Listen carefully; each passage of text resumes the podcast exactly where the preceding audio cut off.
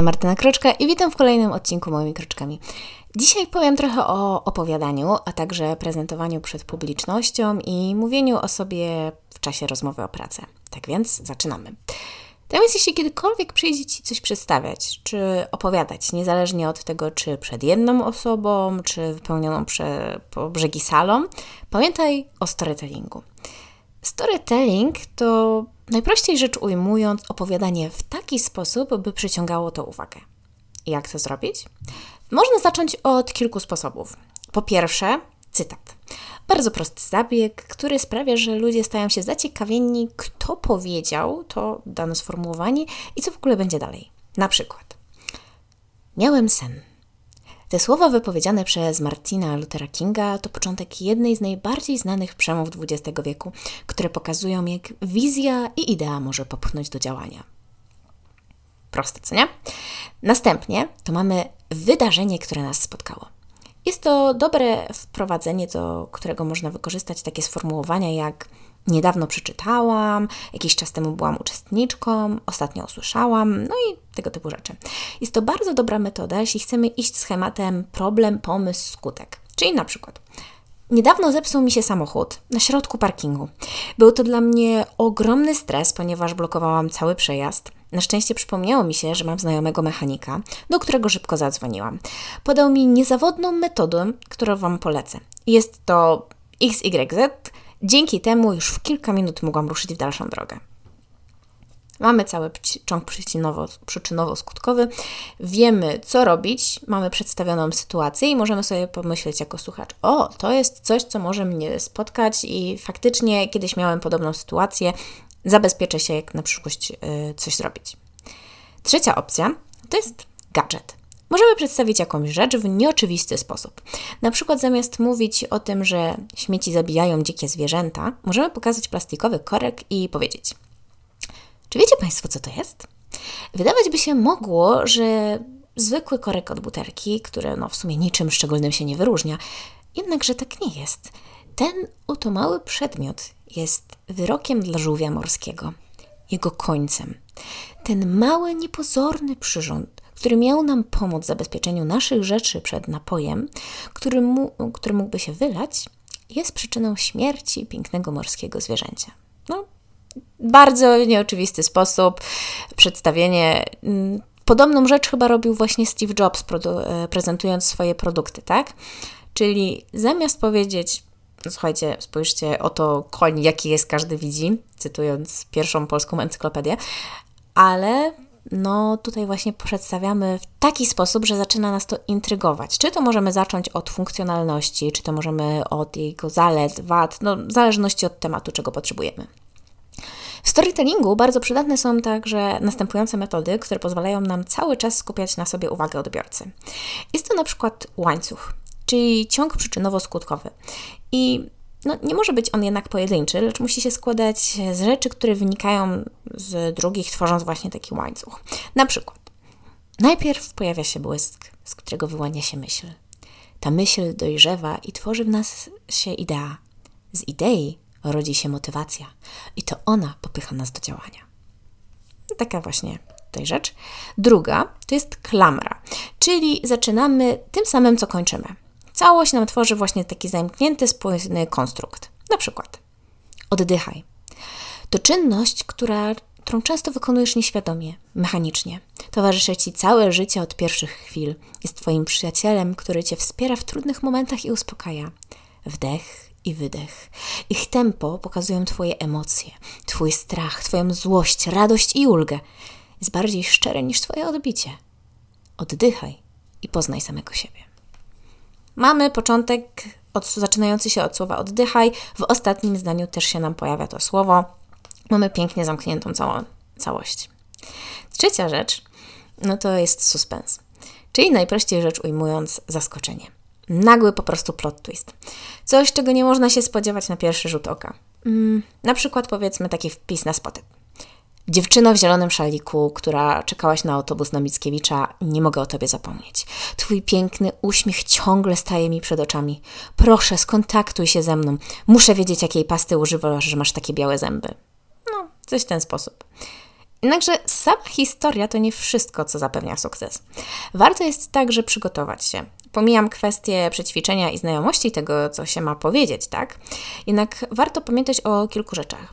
Po pierwsze, dostosuj swoje treści i sposób mówienia do odbiorcy i miejsca, tak? Inaczej będziemy opowiadać o ekologii dzieciom w podstawówce, inaczej wykształconym naukowcom, inaczej będziemy prowadzić, nie wiem, memoriał, tak? A innym razem piknik rodzinny. Po drugie, bądź przygotowany na awarię sprzętu.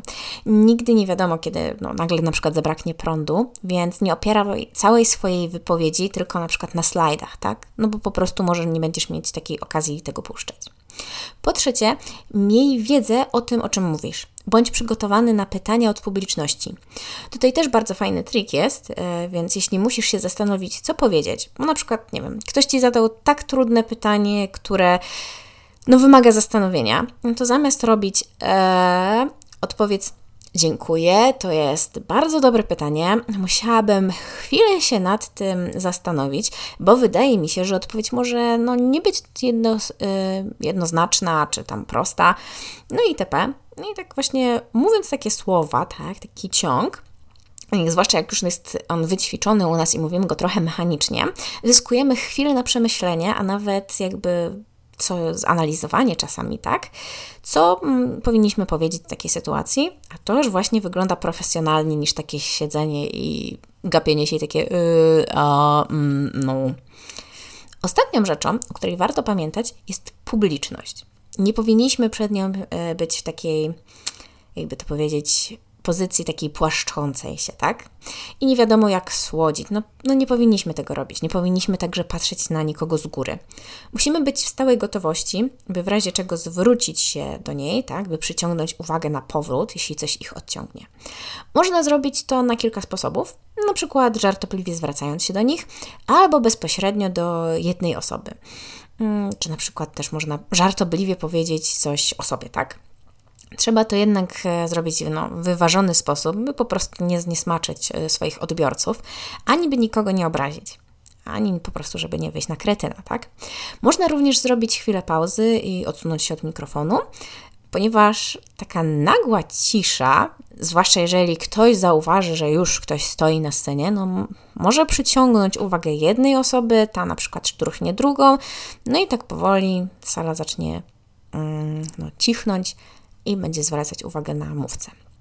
Dobrze, no to już wiemy po prostu, jakie stosować zabiegi, uprawiając storytelling. Jak jednak przygotować się do wystąpienia?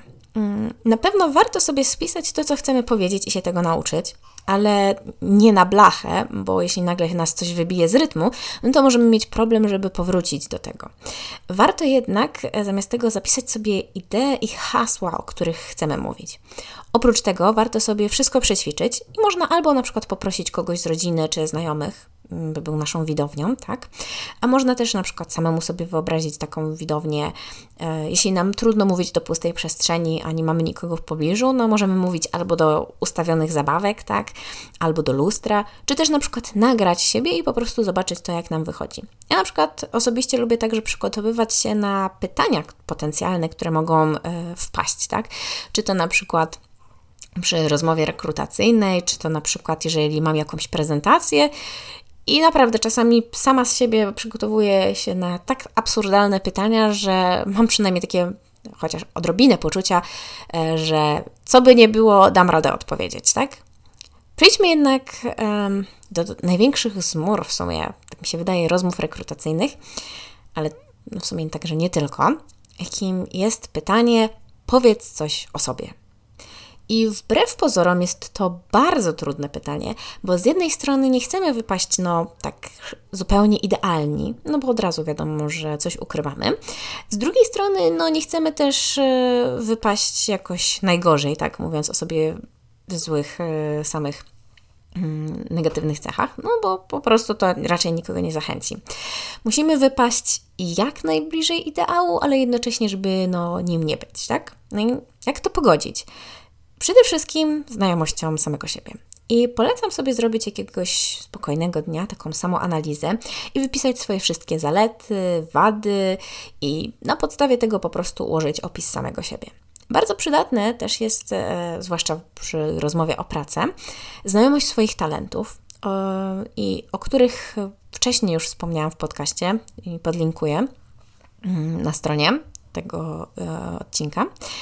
Jednak by, jakby, hmm, jakbym miała tak sprzedać samego siebie, przy użyciu moich talentów, wydaje mi się, że byłoby mi zdecydowanie prościej, bo wiem po prostu, co powinnam powiedzieć, na czym powinnam się opierać i co tak na dobrą sprawę mogę powiedzieć jako super zaletę, a także jako coś, co, nad czym jeszcze muszę popracować, ale no stale to robię, tak? I dla przypomnienia, mm, moje talenty, na przykład to jest uczenie się, zbieranie, komunikatywność, odpowiedzialność, odkrywczość, poważanie, indywidualizacja, intelekt, organizator i maksym, maksymalista. Zawsze mam problem z tym słowem. W moim życiu, dobra, teraz zacznę, uwaga. To jest tak, jak ja bym powiedziała na rozmowie rekrutacyjnej. W moim życiu kieruję się filozofią Kaizen, czyli ciągłego rozwoju. Chętnie i szybko się uczę nowych rzeczy. Jestem ciekawa świata, gdyż uważam, że świat jest niezwykły, jest w nim wiele aspektów, które wciąż czekają na odkrycie, czy to przez społeczeństwo, czy też po prostu przeze mnie. Swoją wiedzą chętnie dzielę się z innymi, a także wykorzystuję ją w życiu codziennym. Jestem osobą komunikatywną, która nie boi się przekazać swoich myśli, czy też nawiązać kontaktów z innymi. Umiem również przyznawać się do swoich błędów i wyciągać z nich wnioski, by na przyszłość być lepsza. Mam doświadczenie organizacyjne.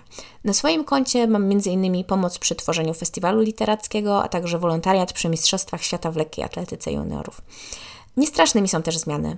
Do każdego problemu staram się podchodzić indywidualnie i dobierać jak najlepsze rozwiązanie. W swojej pracy cenię to, że mogę być częścią czegoś większego i dzięki moim działaniom przyczynię się do szerzenia wiedzy w danym zakresie. I na przykład to, co właśnie przedstawiłam, jest to pokazanie, tak na dobrą sprawę, w większości przypadków samych swoich pozytywnych rzeczy, mogłoby się tak wydawać na pierwszy rzut oka, ale też przez to, że powiedziałam, że umiem przyznawać się do swoich błędów i wyciągać z nich wnioski, pokazuje, że nie jestem jakieś nie wiadomo jak super idealna, ponieważ też mi się zdarzają błędy, ale ja umiem się do nich e, przyznać, umiem coś z nimi zrobić, potem ich nie popełniam. Czyli jakby swoją negatywną rzecz, jaką jest popełnianie błędów, co jest no, życiowo, no, ludzką sprawą, tak? Pokazuje, że zmieniam to na w sumie zaletę. Więc taki też fajny trik jest, e, żeby swoje wady przekręcić trochę jakby w zalety. I mm, zwróćcie też uwagę, że tak na dobrą sprawę w całej tej swojej wypowiedzi nawiązałam do każdego z tych moich dziesięciu talentów i no właśnie, że nie udawałam, że jestem tak idealna, tak? No bo jak na przykład mamy tutaj, no uczę się, tak, no to mam talent uczenia się. Ciekawość świata, no to jest odkrywczość, tak? E, wykorzystywanie mm, tej wiedzy w życiu codziennym, no ja bym tutaj e, odniosła się do zbierania, tak? Komunikatywność, no to wiadomo. Przyznawanie się do swoich błędów to jest odpowiedzialność. Doświadczenie organizacyjne, no to organizator. Podejście indywidualne, no i chęć bycia czegoś częścią czegoś większego, tak, no to jest y, jednocześnie trochę i poważanie, i taki y, maksym, maksymalista. Strasznie trudne słowo dla mnie. No, no i jeszcze oprócz tego, no, w tym, że uczę się i wyciągam wnioski, no to także jest intelekt ukryty, tak? Więc to by było na tyle dzisiaj. I mam nadzieję, że spodobało Ci się to, co powiedziałam i że wyciągniesz coś z tego dla siebie. E, chętnie usłyszę, jak wygląda Twój opis samego siebie i podziel się nim w komentarzu na mojej stronie małymi myślnikroczkami.pl czy też na przykład na moim Instagramie, Instagramie, rety, małymi kroczkami podkreśnik podcast. Do usłyszenia następnym razem. Cześć!